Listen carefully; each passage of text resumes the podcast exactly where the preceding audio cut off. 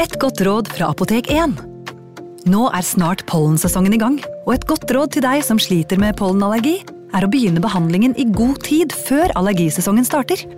Da får du nemlig enda bedre effekt av legemidlene, og så blir ikke våren din helt ødelagt. Kom innom og få råd på ditt nærmeste Apotek 1, eller chat med oss på apotek1.no. Apotek 1 vår kunnskap, din trygghet.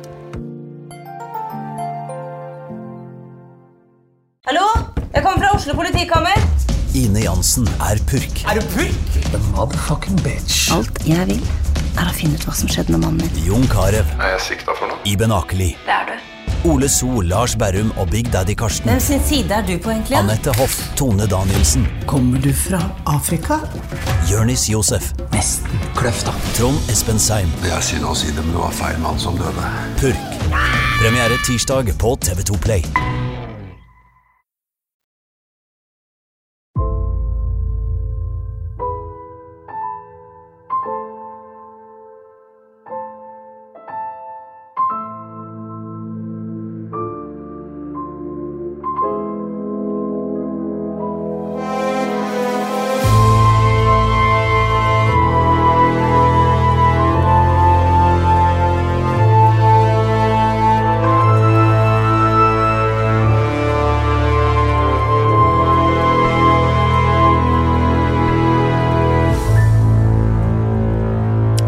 Vi er i eh, julemodus, og vi var vel bedre eh, til avveksling fra familiens uh, klamme favn, eh, og forlyste seg litt med halshugginger og annen Ja, groteskerier fra gamle dager. ja, fra gode gamle dager. Ja, vi skal til 1700-tallet, eller rundt 1800-tallet, altså skiftet der da. Århundreskiftet, ja. Ja. Dramatiske tider. Og da skal vi til Lærdal, eh, Torgrim. Ja, som kanskje fortoner seg som et ikke så dramatisk sted, da. Ja. Natur, ja, naturen er jo dramatisk, men Ja. Jeg har aldri vært der, så jeg vet ikke... nei, jeg har i sin tid vært turnuskandidat i Sogn og Fjordane Åja, for en million år siden. ja. Så Ble, det ble ikke noe sånn henrettelse sånn, det, altså... nei, nei da, det var fredelig, fredelig forhold, det. Lærdal eh, i Sognefjorden, ikke sant? Innerst i Ja, Sognefjorden. innerst inne. Vi, jeg kan jo bare si med en gang at eh, den saken vi har i dag, den er, skiller seg ganske ut fra de andre, i hvert fall de fleste sakene våre, som gjerne er mord i den aller nærmeste krets. Ja. Far og mor og bror og datter og sånn. Mann og kone. Men eh, eh, med alkohol ofte inne i bildet. Ja. Det, men her, nå skal vi nesten inn på en slags revolusjonær Ja, nå, sak. nå blir det politikk i saken. Med politikk, ja. Og vi har ikke ofte sånne frigjørings...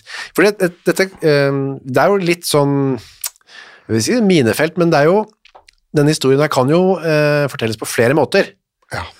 Og jeg har jo lest en bok som heter Vestlandet, som heter Erlend Nødtvedt, som er en veldig artig bok, mm. som handler om to karer som kjører rundt uh, i, på Vestland. De er veldig sånn Vestlandet-patrioter, og vil, de målet deres etter hvert er å få tak i hodet til Anders Lysne, da, som er dagens hovedperson. Se på han som en slags frigjøringshelt for uh, vestlendinger. Og noen ser vel på han som det. Eh, Når jeg gikk på skolen, folkeskolen, så ble han fremstilt som en frigjøringshelt. Han gjorde det. Ja da, da det var han ble sett på som en Han kom i samme klasse sånn som uh, Svalesons og Smør og disse Og Lofthus, da, ikke minst. Ja. Eh, Lofthus var jo også en slags form for kverulant. Og det, liksom, og det som er litt pussig, er jo det at uh, noen av disse menneskene blir jo fremstilt som, som helter fordi de ville uh, sans, frigjøre Norge fra Ja. det såkalte danske åket, da, som man trodde det var. Mens andre som gjorde samme innsats, de ble jo ikke nevnt i det hele tatt. sånn at Norsk historieskrivning jo, var jo i sin tid veldig selektiv. da. Ja, Det skulle bygges opp et, et nasjonalt narrativ riktig. som vi skoleunger skulle lære oss. da. Vi kan jo ta det vi, i hvert fall som er helt sikkert, og det er jo at Lærdal, altså disse bøndene i Lærdal, de slapp å være i, gå i militærtjeneste, eh, Torgrim. Ja, eh, det var flere Det var en del områder som slapp det. Nord-Norge Ja. blant annet. Eh, Der var det heller ikke noe militærtjeneste. Det var, de fikk sett på som det var patriotisk nok å bo der. Ja. Mens Lærdal de hadde da fått en, en, fri, en fritak fra militærtjeneste mot at de skulle holde veien mellom Østlandet og Vestlandet farbar Ja. om vinteren. De skulle altså måke snø. ja, og det kunne sikkert være en skikkelig jobb, det. Jeg har sett noen bilder av hvordan den veien så ut da. Ja. Og, jeg hadde jo aldri villet kjørt der om sommeren engang. Eh, Nå har jo jeg kjørt den veien der nå, den er jo ikke så fryktelig mye bedre nå heller. Du kjører jo med livet som innsats og hjertet i halsen. Ja. Iallfall jeg. ja. Så jeg foretrekker jo faktisk å ta tog, altså. Ja. Eller fly. Det var ikke et alternativ på den tiden. Nei, det var ikke det. Man måtte, og det som skulle fram på den veien der, var jo posten til kongen, da. Ja, så det var ikke så mye, De hadde ikke mye glede av den selv, på en måte. Nei, og det var det som var Dette var jo en offentlig vei, dette var jo kongeveien. Ja. Og det var militære styrker som skulle fram og tilbake, og det var posten til kongen som skulle fram og tilbake, og pengene fra, skattepengene fra Vestlandet skulle fraktes til Østlandet og derfra til København. Så det var kongens vei. Derfor så kunne de da få fritak fra kongens tjeneste, altså militærtjeneste, mot å holde den veien åpen. Var en bytte, slags byttehandel. Ja, og denne løsningen eh, her, den ble da framforhandlet i 1563, altså mange, mange, mange hundre år siden. Men så, eh, ja, så var det flere runder på det, men så etter hvert, eh, på slutten av 1700-tallet, så ble det bygget en ny vei. Ja, og dermed så mm, forsvant jo eh, behovet for å holde den gamle veien ved like. Ja. Eh, Slik at det som de opprinnelig, den avtalen de opprinnelig hadde gått inn på med Hans eh, kongelige majestet, eh, den var på en måte nå blitt fullstendig passé. da. Ja. De skulle da måke en vei som, som eh, i praksis eh, om, omtrent ikke ble brukt. Og i tillegg til det, samtidig så begynte det å brygge litt opp til krig, og det, de to tingene sammen var jo liksom sånn uheldig for lærdalingene. da. Ja, Ja, altså, vi, vi her i, i- Norge og i, i Danmark-Norge, vi hadde jo tenkt til å være krigsprofitører. Ja. Det var jo vår fremste målsetting. Det har det alltid vært. Det var under første verdenskrigen også. Da, Mm. da var vi jo krigsprofitører. Og vi hadde tenkt å være det under andre verdenskrigen også, men det skar seg jo. Det var forbaska synd for oss. Jo, det kan jeg godt si. Det hadde vært mange Veldig mange gamle norske byer hadde stått med fine hus i dag hvis ikke vi hadde blitt surra inn i den eh, krigen der. Men, Ja. men fall, det var det vi prøvde på under, under disse napoleonskrigene, da, som nå eh, som nå blanket seg opp. Og så tjener penger på frakt. Eh, sjøfarten, er det du Sjøfarten, Ja. og ikke minst den gangen så var jo marinen var jo tre. Ja. Det var jo trebåter. Ja, så de trengte litt Og norsk trelast var jo virkelig greia der. Eh, det var faktisk så mye det var faktisk så mye tre som ble brukt at den, både den svenske og vel også den danske marinen plantet eiketrær for å ha et langsiktig prosjekt Ja. som skulle vokse opp, og 100 år senere så skulle de da forsyne marinen med, med eiketømmer, for det var jo det beste Mm. tømmer som hadde. Og det er vel en øy, jeg tror er i Venneren, hvor du fremdeles en dag kan se hundrevis av mål med eiketrær som står marsjert opp, hilsen den svenske marine. Men de ble jo aldri hogd, fordi at eh, man gikk jo over til stålskip Ja. før de trærne var ferdig utvokst. Så vi kunne blitt krigsprofitører på trelast eh, den gangen, som vi, som vi var på transport under første verdenskrigen, da. Men de måtte være med å bygge den veien, det var heller ikke så populært, de lærdølene. Eh, Nei, og, men, men lærdølene, det som var populært hos lærdølene, det var jo at de slapp militærtjeneste. Ja. Og det spredde seg en sånn forestilling i Lærdal om at de da var hevet over resten av befolkningen, slik at ved den lille trefningen som vi hadde i 1788, den såkalte Tyttebergkrigen, de soldatene som da marsjerte gjennom Lærdal på vei mot Bohuslän, de ble jo da hånet av Ja. lærdølene som slaver, som treller. Stakkars dere som må være i militæret. Ja, og ordet idiot ble vel ikke brukt, men det ble vel ment, da. Ja. Tufser som gjør dette. Vi er lærdølene, vi er frie mennesker. I 1799 så ble det da sagt ut til befolkningen, at, iallfall fall til de der, da, at eh, det skal, eh, nå skal dere dessverre bli militære likevel. Vi skal, Ja. ha, vi skal ha tre sesjoner.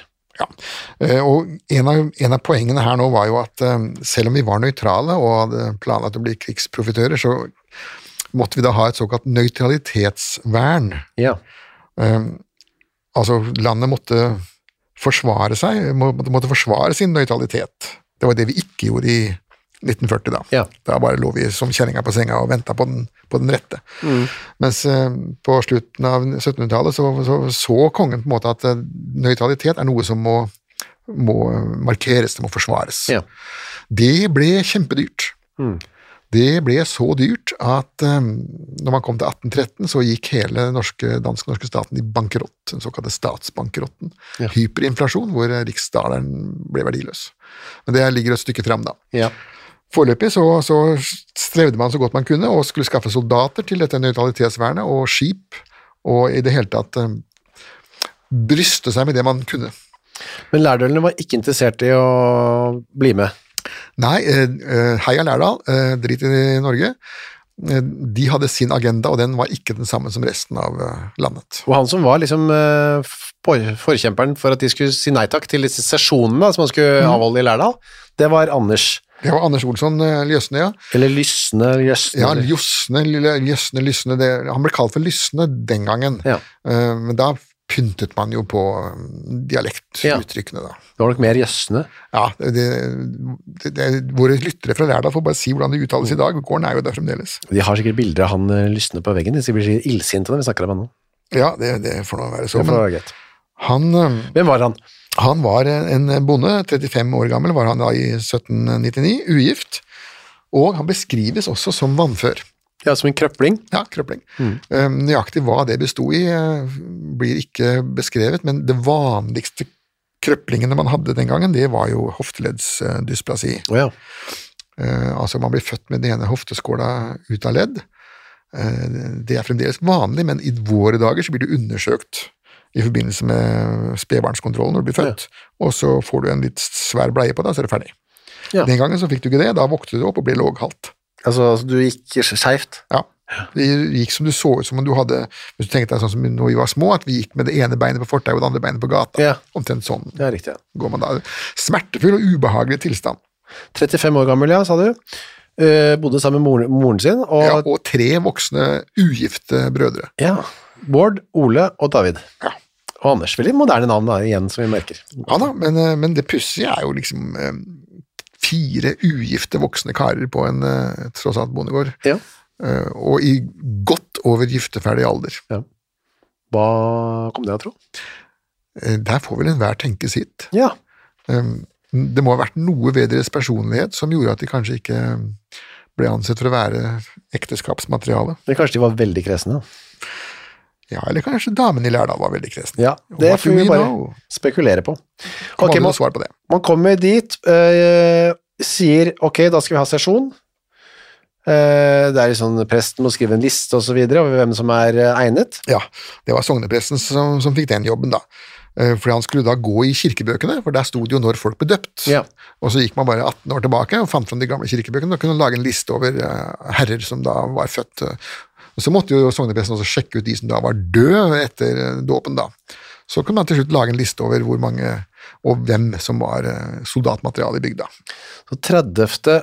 september da i 1799 så er den første sesjonen noe som heter Borgund.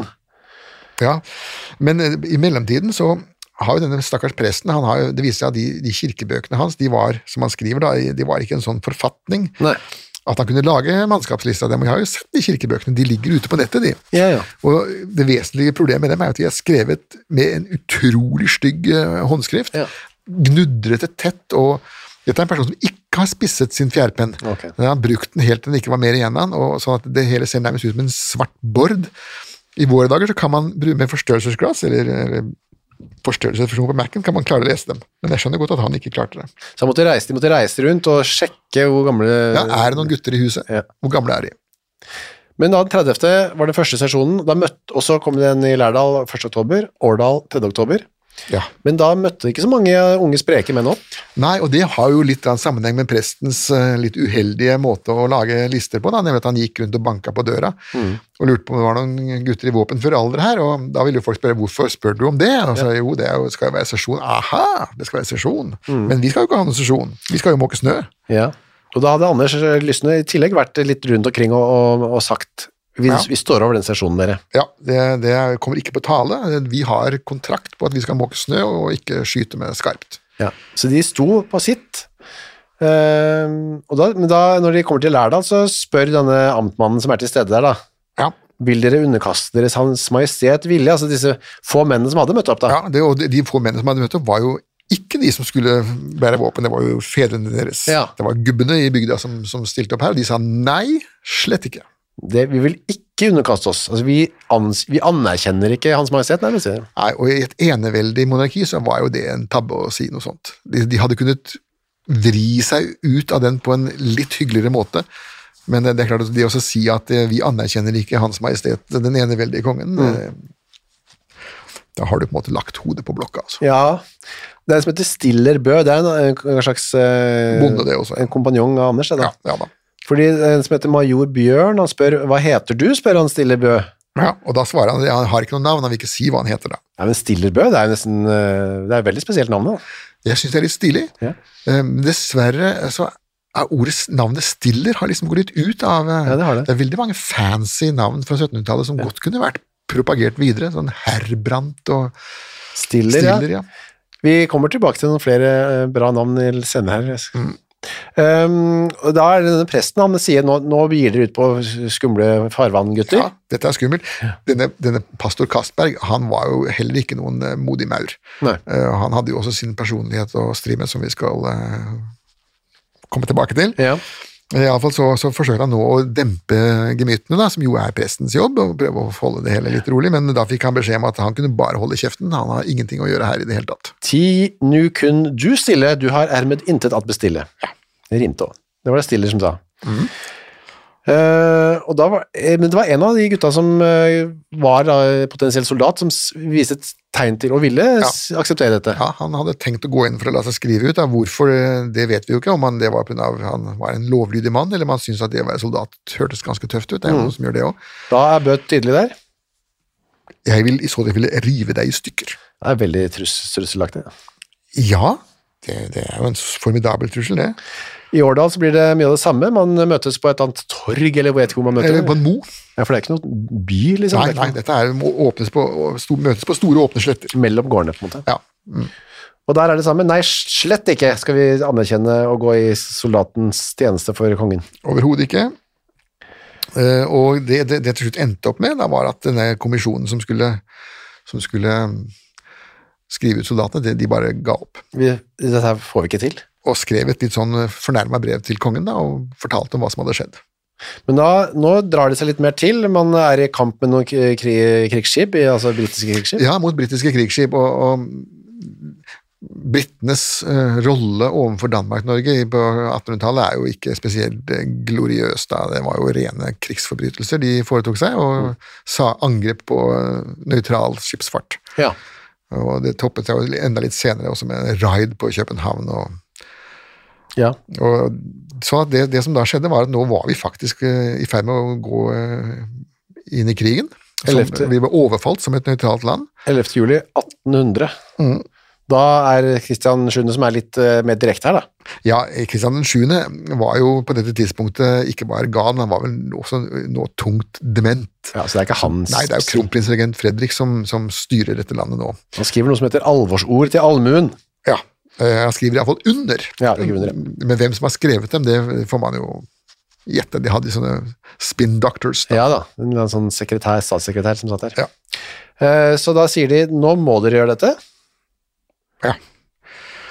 Og så legger han da til en sånn bitte liten eh, lokkemat. At Ja. eh, til gjengjeld så skal vi ikke rettsforfølge dere som eh, lagde disse opptøyene tidligere. Skal, nå glemmer vi alt, og så begynner vi på nytt, gutter. Det hjalp ikke på lærdølenes innsatsvilje. På, Nei, sånne ting hjelper aldri det. Det har vist seg Hvis man har med opptøyer å gjøre, så er det i grunnen bare én ting som gjelder, og det er den pansrede neve. ja. Det, hvis man viser forsonlighet da, så blir det tolket som svakhet. For nå prøver man på nytt å ha sesjoner, og nå er, vi- nå er vi på 1800, altså år 1800, nøyaktig. Oktober, 1800, ja. Oktober, og der nye sesjoner med oppdaterte lister. Men da sender eh, lærdølene utsendinger til kongen for å protestere.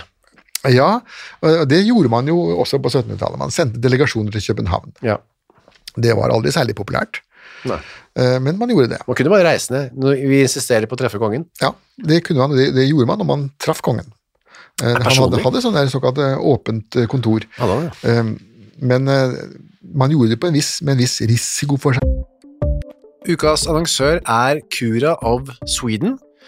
Visste du at verdens søvndag feires den 15. mars? Nei. Det er en dag som er til for å skape oppmerksomhet rundt dette med søvn. Da. Og så er det en god anledning til å tenke over dette med egne søvnvaner. Jeg er jo veldig glad i å sove, jeg er også glad i å tenke på å sove, og så veldig glad i å glede meg til å legge meg. Jeg så på Squid Game med familien her eh, rundt juletider. Der legger jo deltakerne seg eh, hver kveld da, i sengene sine, og da, det kunne jeg nesten synes var høydepunktet av Squid Game, var når deltakerne la seg. Jeg synes det så så deilig ut å legge seg. Nå hadde ikke de Cura of Sweden vektdyner, da, riktignok, eh, som hadde gjort det enda bedre.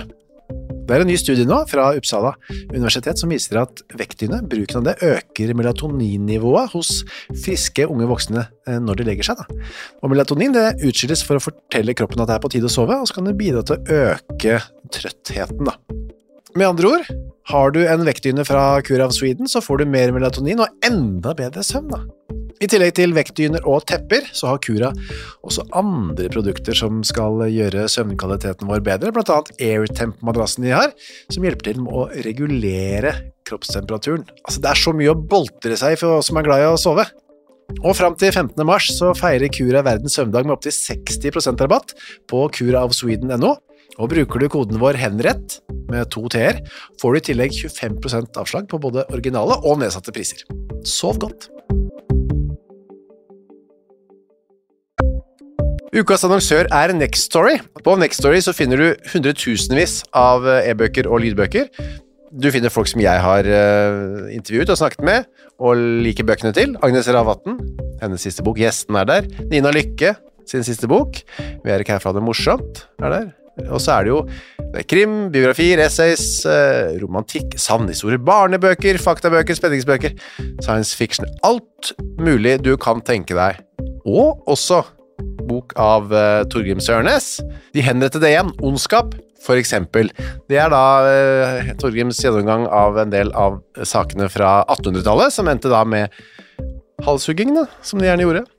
For eksempel Kristoffer Svartbekken, denne snikmorderen fra um, Elverumsdraktene, som pryder også coveret, ser jeg. Skummel type. Eller da, som sagt, forferdelig mye annet. Gå inn på nextstory.no skråstrek henrettelse registrer deg der, så får du seks uker gratis tilgang til nesten uendelig mange bøker. God fornøyelse. Selv, da. Ja. Eh, Fordi at Hvis det da viser seg at det, det man hadde klaget over, ikke, hvis man ikke hadde gått tjenesteveien, så blir det slått hardt ned på. Ja. Man skulle gå tjenestevei. Eh, Allmuen skulle henvende seg til fogden, fogden skulle gå til amtmann, amtmann til stiftamtmann, stiftamtmann til statholden og statholden til kongen. Det var tjenesteveien. Og det å gå direkte ned til Hans Majestet, det kunne man gjøre, men da burde man ha en skikkelig god sak. Hvis det da viser at du ikke hadde en god sak, så kunne de havne i fengsel. Og jeg kunne det. Ja, Lofthus for eksempel. Lofthus havnet i fengsel var noen, noen ganske få år før. Han eh, sendte delegasjoner ned til kongen for å klage, og det ble ikke tatt nådig opp. Altså, det var litt risikosport, det der ranet ditt. Ja, det, det var mye tryggere å gå tjenestevei, men på den annen side, hvis du gikk tjenestevei, så skjedde det som regel aldri noe heller. Men hvordan gikk det med de som kom dit, da? Ja, de var der ganske lenge, de. de Ja, når du først har gått ned til København fra Lærdal, så må du jo utnytte situasjonen. ja, det skjønner jeg. Det er koselig der nede, sikkert. da. Eh, Koseligere enn i Lærdal, ja. Ja. Mer varmere og Mer- flere vertshus. Ja, mange flere vertshus, da. Ehm, og den uh, konflikten med England trappes opp, eller den eskalerer. Eh, Ja da, eh, vi hadde en, en, en, fra en handelskonvoi som ble rett og slett tatt av engelskmenn og kjørt inn til eh, britisk havn, altså rent sjørøveri. Ja. Uh, Og, men så tok vi igjen, da. Vi hadde jo en skonnert som het Den årvåkne, som klarte oss å slå en britisk dreadnought på, på flukt utenfor Jomfruøyene. Det var det er i Karibien. Vi hadde tre sånne små fluelorter der som, som, hvor vi dyrket, eh, dyrket sukker og hadde slaver. Det, altså, den nyheten om at uh, den årvåkne hadde slått Dreadnought i omføringen, den må ha brukt ganske lang tid på å komme til eh, Lærdal, den nyheten her. Ja, den kom vel egentlig aldri til Lærdal, vil jeg tro. Det. Så har kommet fram nå. Uansett, i 1801 så får de brev disse i Lærdal, da, blant annet Anders Lysne, og det, de har ikke gode nyheter å rapportere om, disse som fremdeles eh, slapper av nede i København der da. Ja, nei, nei, nei nå, nå skal det holdes sesjon på nytt. Vi, vi prøver igjen. Eh, Da legger de noen sånn Er det det de holder på? Er det litt sånn Prøver de å løsrive liksom Lærdal fra resten av Norge, eller hva er det de Nei, det de mener er at Lærdal er løsrevet fra resten av Norge. Ja, det gjelder ikke, Det, det- kongebrevet fra 1536, altså dette 400 eller 300 år gamle kongebrevet, det, det gjelder fremdeles. eh, uansett koste hva det koste vil. Her skal altså ikke vi eh, bryte den kontrakten, eh, selv om det er kommet ny vei, og selv om vi ikke kan måke snø lenger, så og de ser på en måte ikke den desperate situasjonen som, som fedrelandet deres er i, de, de ser bare sin egen lille bygd. og sin egen lille vei og sine egne snømåkerapparater. De ser, ser ikke det som Husk på at det, Det som skjer nå, på 1800-tallet, det 14 år senere så fører det til den såkalte rikets sønderlemmelse, at, at Danmark-Norge blir dratt i to. Ja. Og, og Norge og Danmark går hver til sitt, og vi taper jo Island, Grønland, Færøyene Svære områder for, går tapt for, eh, for Norge, og senere også for Danmark. Anders eh, og de tre, to andre brødrene hans eh, har andre ting å tenke på. De gifter seg, de nå, i 1801. Ja, eh, og det er jo fordi at man hadde en sånn forestilling som jo for så, i og for seg var realistisk nok, da, at eh, gifte mennesker ikke, kunne, ikke skulle eh, bli utskrevet til soldater. Ja, Så nå fikk de litt bråhast med å Ja, og det, det er jo en vanlig Hvis du husker i 1914, så, så, så var det vel keiser Wilhelm som, som eh, sa 'ingen familiefedre i første rekke', som han Ja. sa i- ved, ved fronten. da. Og det mm, løftet holdt jo i 14 dager, ikke sant. Ja, man- når, når krigen først er der, så, så er ikke gifteringen noe å beskytte seg bak. Nei, men det, de tok vel Det var en slags plan B, dette da, for Anders og de. Ja, ja, vi får tro det. Men i alle fall, det, det hjalp ingenting. Og så kom da den fatale fatale dagen, da, 2. april 1801, hvor eh, København, slaget ved Københavns red Ja. Eh, Og der kommer disse krigsforbrytelsene vi snakket om igjen. Da. Vi, egentlig, var egentlig i ferd med å vinne det slaget der, men så hadde da kaptein Nelson, eller admiral Nelson hadde et skip fullt av sårede norske og danske fanger, og han sa at hvis ikke dere gir det nå, så tenner jeg fyr på hele skipet. ja. Han hadde truet med å brenne opp eh, sine egne krigsfanger. Ja. Og han står i statuer av eh, Lord Nelson, ja. Ja. Ja, han er jo Ja. en han. Eh, Det sto vel en i, i Dublin også, tror jeg, men den tror jeg de sprengte i lufta. IRA. Han eh, vant, da, og så da går det enda dårligere for eh, Danmark-Norge. Ja, vi tapte jo vår, eh, vår indiske koloni også, da. Den forsvant. eh, Britene tok den også. Det morsomme var jo at de Vi hadde en, en liten vaktstyrke på disse krydderøyene som ligger mellom India og, og, og Burma, de såkalte Nikobarene. Eh, Og britene glemte jo å ta den, og vi glemte den også. Der sto disse stakkars soldatene i årevis og fikk ikke noe kontakt med noen, og de, de gikk jo helt native etter hvert.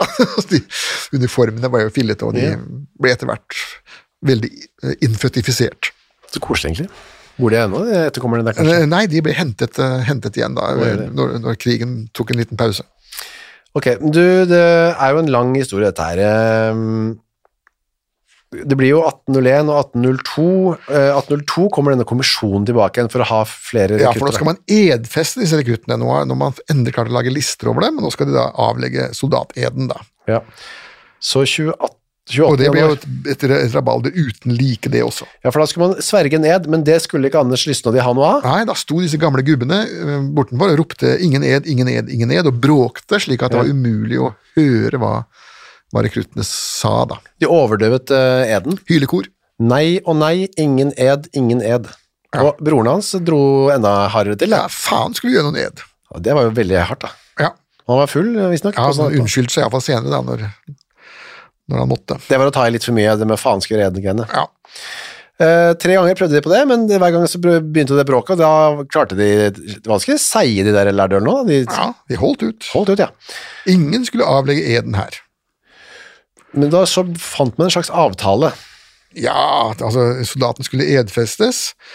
Til gjengjeld så skulle da eh, tolv deporterte fra Lærdal eh, skrive en sånn liten ansøkning da om å slippe militærtjenesten. Eh, Og det var vel en avtale som ble brutt eh, nærmest samme dag, da. Ja, for da begynte de på nytt med denne bråkingen. bråkingen. Ja, ja da. Nei, nei, nei. Ingen ed. Da spurte deputasjonen av disse tolv er dere villige til å la disse soldatene bli soldater, eller gutta til å bli soldater? Nei, roper de da. Ja, vi vil ikke la vårt mannskap edfeste. Og så, eh, dette, er jo, dette er jo det vi kaller for passiv motstand, da, men nå begynner det også å bli litt voldelig, og det er også det typiske for en mobb. En mobb som ikke møter motstand, som ikke møter en pansrede neve, de vil da eskalere. Og da Ja. begynner, kommer ruteknusing og oppbanking, og det ender jo gjerne opp med lynsjing. Og den som da skulle lynsjes her, det var da løytnant Rumor, som var den lokale militære offiser. Ja, Rumor, det er bra navn, det òg. Ja da, de knuste iallfall ruten hans, og, og lagde et eh, bråk uten like, da. Så da drar denne kommisjonen eh, Ops, det her er eh, i ferd med å eskalere, vi stikker. drar tilbake igjen til ja, hvor de dro det, Kristiania eller Bergen? Jeg vet ikke hvor Ja, De drar vel tilbake til Bergen og Kristiania, ja, der, der hvor de hører hjemme, og så skriver de en rapport til Hans Majestet i København. da. Og der, eh, i København, eh, der blir jo kongen nå etter hvert eh, temmelig pissed. Ja, nå, nå holder det med dette her. Mm. Han sender av gårde eh, ganske mange soldater, ja. Ja, nå sender kongen sin egen lille deputasjon, da. Ja. Eh, og det er slik at Lærdal ligger jo som sagt innerst inne i Sognefjorden. Så det han da gjorde, var å sende en militærstyrke langs den veien Mm. fra Østlandet, og samtidig en kanonbåt eh, inn Sognefjorden fra, Ja. fra vest. 500 soldater fra Hønefoss Mm. Ja. marsjerende inn. Jepp. Og da skjønner vel antageligvis eh, Anders og de andre at nå, shit, nå er det alvor her. Ja, nå har vi gått for langt. Nå har vi gått for langt. Så nå, i juli 1802 eh, så blir de innrullert, da. Ja. Og utfører eller avlegger ed. De avlegger ed, og de blir soldater. De blir da det såkalte Leirdalske lette infanterikompani. Men Anders og de, hvor var de? Han eh, ble arrestert, han og alle de andre. For de hadde forskanset seg, eller i hvert fall eh, samlet seg på en eh, annen gård da, i Ja, Lærdal der. de hadde samlet seg i, i den tro at det ligger styrke i å være mange, men de, de ble jo tatt og tatt som sauer og ført til slaktebenken. Alle sammen. Tolv tolv stykker, tolv av dem. Ja, og det var ikke noen kamper eller noe sånn Nei, de gjorde ikke noe motstand da. Og da var det jo da eh, rett i, i arresten, og så en rettssak som var en slags blanding av sivil og militær eh, rettssak. Ja, det, det var vanlig den gangen at det, det var jo militære skulle dømmes for militærrett, men sivile skulle dømmes for sivilrett. Men hvis det var blanding, så lagde man en kommisjon. Og det var to dommere, generalauditør her også, navnet å legge merke til, generalauditør Sommerhjelm, Jepp. Som var militær, og så kanselliråd Rosenvinge. Ja, dette med kanselliråd, eh, det er jo en sånn der eh, tom tittel som man kjøpte. Ja, eh, som Altså, mm, det var den såkalte rangadelen. Da. Altså, Norge var delt inn, Fiffen i Norge var delt inn i ni klasser. Og kansellirrådet, da, da, da var man mm, i den, jeg tror det var den syvende av ni, eller noe sånt. Det var langt nede. Det var ikke så fjongt som å være for eksempel justisråd eller kammerråd eller sånne ting. Men man kjøpte seg disse titlene, da, så kunne man ha dem foran navnet sitt og fjonge seg med, med det. jeg synes jo kanselliråd Rosen Vinge høres jo flott ut. Det høres veldig flott ut, men han, han, han var altså kanselliråd, han var jo aldri noe kanselli. Nei. Det var jo bare en sånn tulletittel som si, lånte fjær. Apropos navn, så fikk jo da Anders eh, en datter i mellomtiden her, i 4. oktober 1802, Ja, eh, som het Ingleif. Ingleif, ja. Det er også et eh, litt, gått litt av moten. Det er det, og det er det som sagt, jeg er veldig for at disse gamle navnene skal komme fram igjen. Da. Men også på piker, altså dette er var en jente, Ingleif. ja, ja, ja. Er, man, vi, vi kan ikke alle gå rundt og hete Anne. Nei, det, som man gjorde det da, Anne og Ingleif. Mm. Det ble dommer i denne saken. Ja da. Rett, rett opp i høyesterett. Eh, Eller de ble, nei, de ble dømt først til livstid. Ja, Det var ganske milde dommer de fikk først. Ja, eh, til å begynne med så var det det. Og det kan jo også være at disse kommisjonsfolkene vek tilbake for å effektuere dødsdommer over folk som faktisk ikke hadde drept noen. Ja. Det kan også være at de hadde en viss fornemmelse med at argumentene deres ikke var helt bortkasta, for de hadde jo fremdeles dette kongebrevet fra 1536. Med snømåkingene. Ja. Så sett på på sett og vis så hadde de jo De hadde jo sitt på det tørre rent formaljuridisk, eh, kan man kanskje si. Eh, Men de så jo ikke den reelle situasjonen, Nei. med fedrelandet i fare og krigshandlinger og sånne ting. Så dommen ble appellert opp til høyesterett, og der eh, la aktor ned påstand om dødsstraff for alle tolv. Ja. Mens forsvareren sa nei da, de må frifinnes. ja. Så ble det jo Endte man opp med dødsstraff for eh, kun én, da. Ja, det var, det var eh, Anders. Hovedmannen. Og der eh, De andre de ble satt på festningen. Og den festningen det er jo Bergenhus, da. Ja. Det var eh, Stille Bø av de andre. Og, og der sitter han Anders eh, også på Bergenhus festning mens han venter på, mm, på transporten opp til rette stedet.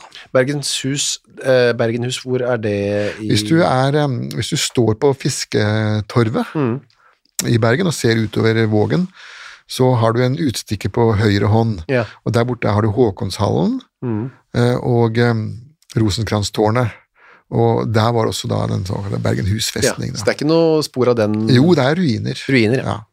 Der satt han, men han skulle ikke halshugge seg, for som vi vet så foregikk det oppe det som heter Sydneshaugen. Ja, eh, Bergen har jo hatt flere rettesteder. De har hatt Nordnes og de har hatt Sankt Jørgens Løkke, og, men nå er det da Sydneshaugen, der hvor universitetet og, naturhistoriske samlinger, Oh, ja. Dyremuseet ligger der, da. Ja, for Nordnes har vi også vært innom, har vi det? eller? Jo, det var Wallin som eh, Det var Wallin, ja, der på Nordnes og Sydnes. Wallin møtte sin skjebne der, og, ja. de brukte også den Sankt Jørgens Løkke utenfor Sankt Jørgens hospital, Spedalskhospitalet, midt i, midt i byen. da. De, de vandret litt rundt etter hvert som folk eh, flyttet og bodde. Og, Ja. Men det var jo litt eh, å frakte den låghalte lysne opp til eh, ja, så han ble, han ble fraktet, bokstavelig talt, i en eh, kjerre. En kjerre, ja. Og det, hvilken dato var det? 1. juni 1803? Jepp, klokken fem om morgenen. Fem om morgenen, det var jo veldig tidlig da, mye tidligere enn det pleier. Eh, Ja, altså vanlig var jo klokken ni. Ja. Vanlig var jo mellom ni og ti om morgenen for henrettelser. Ja. Så klokken fem var jo grytidlig, og det kan ha vært fordi at man ikke ønsket så mye tilskuere da. Det var jo tross alt fremdeles en litt kontroversiell sak, var du huske på det? Det var, jo, eh, det var usikker juss, og noen vil fremdeles synes at det var en veldig hard straff å gi dødsdom når jussen var såpass tvilsom. Mm. Det, de hadde ganske bra med eh, vakter. Ja, det måtte de også ha, og det er vel også en refleksjon av at øh, myndighetene følte seg på usikker grunn Mm. her. Man var litt redd for at man eh, sto at kunne være noen revolusjonære krefter liksom, i svingen. Ja, og det, dette, dette, det dette sier, er vel egentlig hvordan den dansk-norske staten nå var desperat, eller hadde en grad av, et element av desperasjon i seg. Eh, Kringsatt av fiender på alle kanter, og ingen til å hjelpe seg utenrikspolitisk. Eller eh, ingen, det var dette som til slutt drev oss inn i Napoleons eh, armer. da. Ja. Og så da i tillegg en opprørsk befolkning, og hvis lærdølene slapp unna med dette, hvem ville da være de Neste, neste, som, som heller ikke ville gå i, i kongens klær? Så her gjaldt det å gjøre dette unna fort og greit, og sette et skrekkens eksempel. Han, eh, Anders ble da kjørt i vogn opp til eh, Sydneshaugen fem om morgenen 1. juni, Mm. og da står han på toppen der av skafottet og ser utover, og da kommer han med disse ordene som du sa i stad. Ja, hodet mitt jo gå, men kongens ord må stå. Altså, hodet mitt kan ryke, mens eh, kongens ord må stå. Altså, det var dette kongebrevet fra 1536 da, som han igjen henvendte seg til. da. Ja, det er det han refererer til der, ja. Ja, det er det kongebrevet fra kong Fredrik som han, som han står på. Det er det som er hans juridiske hjemmel. ja. Men eh, hodet hans måtte gå, det var riktig det. Ja da, det måtte gå, og mm, han ble ikke satt på noen stake eller sånt, både hodet og skrotten ble begravd i Sydnesmarken, Rett ved siden av. rett ved siden av det, såkalte rakkerhagene som de hadde den gangen også, som, som var der da. Ja. Så der ble han begravet, og der går han visstnok igjen. Ja. I, på Naturhistorisk museum. Ja, det er tatt noen bilder av en, en li- spøkelsesaktig eh, kropp som eh, vandrer rundt der om natta. Er det sant? Ja, men med hodet på. Ja. Eh, Og så Enten så er da Anders Lysne så sta at han fremdeles at han har satt hodet tilbake på plass igjen Ja. i protest, eller så er det en annen henrettet forbryter som går rundt der. Vi har flere eksempler. Vi har flere kandidater Ja. i så måte. Det er jo veldig spennende, da. Kan man reise opp og hilse på Anders Lysne, eh, eventuelt en annen eh, stakker, da. Stakkar. Ja, ja. Og den, eh, den, den som tok, tok Anders, det var jo Mühlhausen, Christian Mühlhausen, som hadde dødd, og så var det hans sønn Halvbror, mener jeg. Halvbror Johannes. Ja. Johannes Mühlhausen, han var hans første forretning, dette her. Ja. Hans første halshugning, og det foregikk helt eh, prikkfritt. ja. ja. Hodet datt av, og det var slutten på den saken. Bortsett fra de, alle de eh, medsammensvorne, de satt jo inne på slaveriet. Ja, men ikke særlig lenge. men spesielt de, de, Allerede 1. juli samme år så ble jo f.eks. Anders Wold sendt ut igjen Å ja. og reiste tilbake til Sogn. Eh, Og eh, det samme gjaldt de som hadde fått seks års straff. De slapp ut igjen etter, etter seks måneder. ja vel, så de kom ganske Det var egentlig bare Anders som måtte virkelig til pers der. Ja, det var en symbolhandling, vet du. Og gikk, hvordan gikk det så med disse soldatene? Ja, da? de, de ble jo da sendt eh, vinteren eh, 1807, da, da krigen virkelig ble skarp, og da svenskene invaderte oss også. Ja. Da ble de sendt til, eh, til, eh, til grensen da, for å, under vinteren, og led, led vondt. De gjorde det, ja. Ja, mangel på utrustning, mangel på forpleining, eh, og hadde ikke noen god skjebne. Det var ikke, ble ikke skutt så mange, To stykker som døde. men de døde av, eh, de som andre som døde, døde, døde jo av vanskjøtsel. da. Og den dag i dag så må de militære, de som Det er ikke noe fritak nå heller. Det er ikke innført det. Eh, Du kan ikke si at jeg er fra Lærdal, så jeg skal eh, slippe å gå på Moen. Nei. Åssen går det med snømåkinga der, da? Nei, den veien der er jo fremdeles livsfarlig, den. Ja, det. Så ting er litt som det var, egentlig. Ja, Tingene forandrer seg aldri. Nei. Eh, vi bare runder av, vi. Mm. Og så er vi tilbake igjen uh, neste år. Ja. Rett og slett. 22.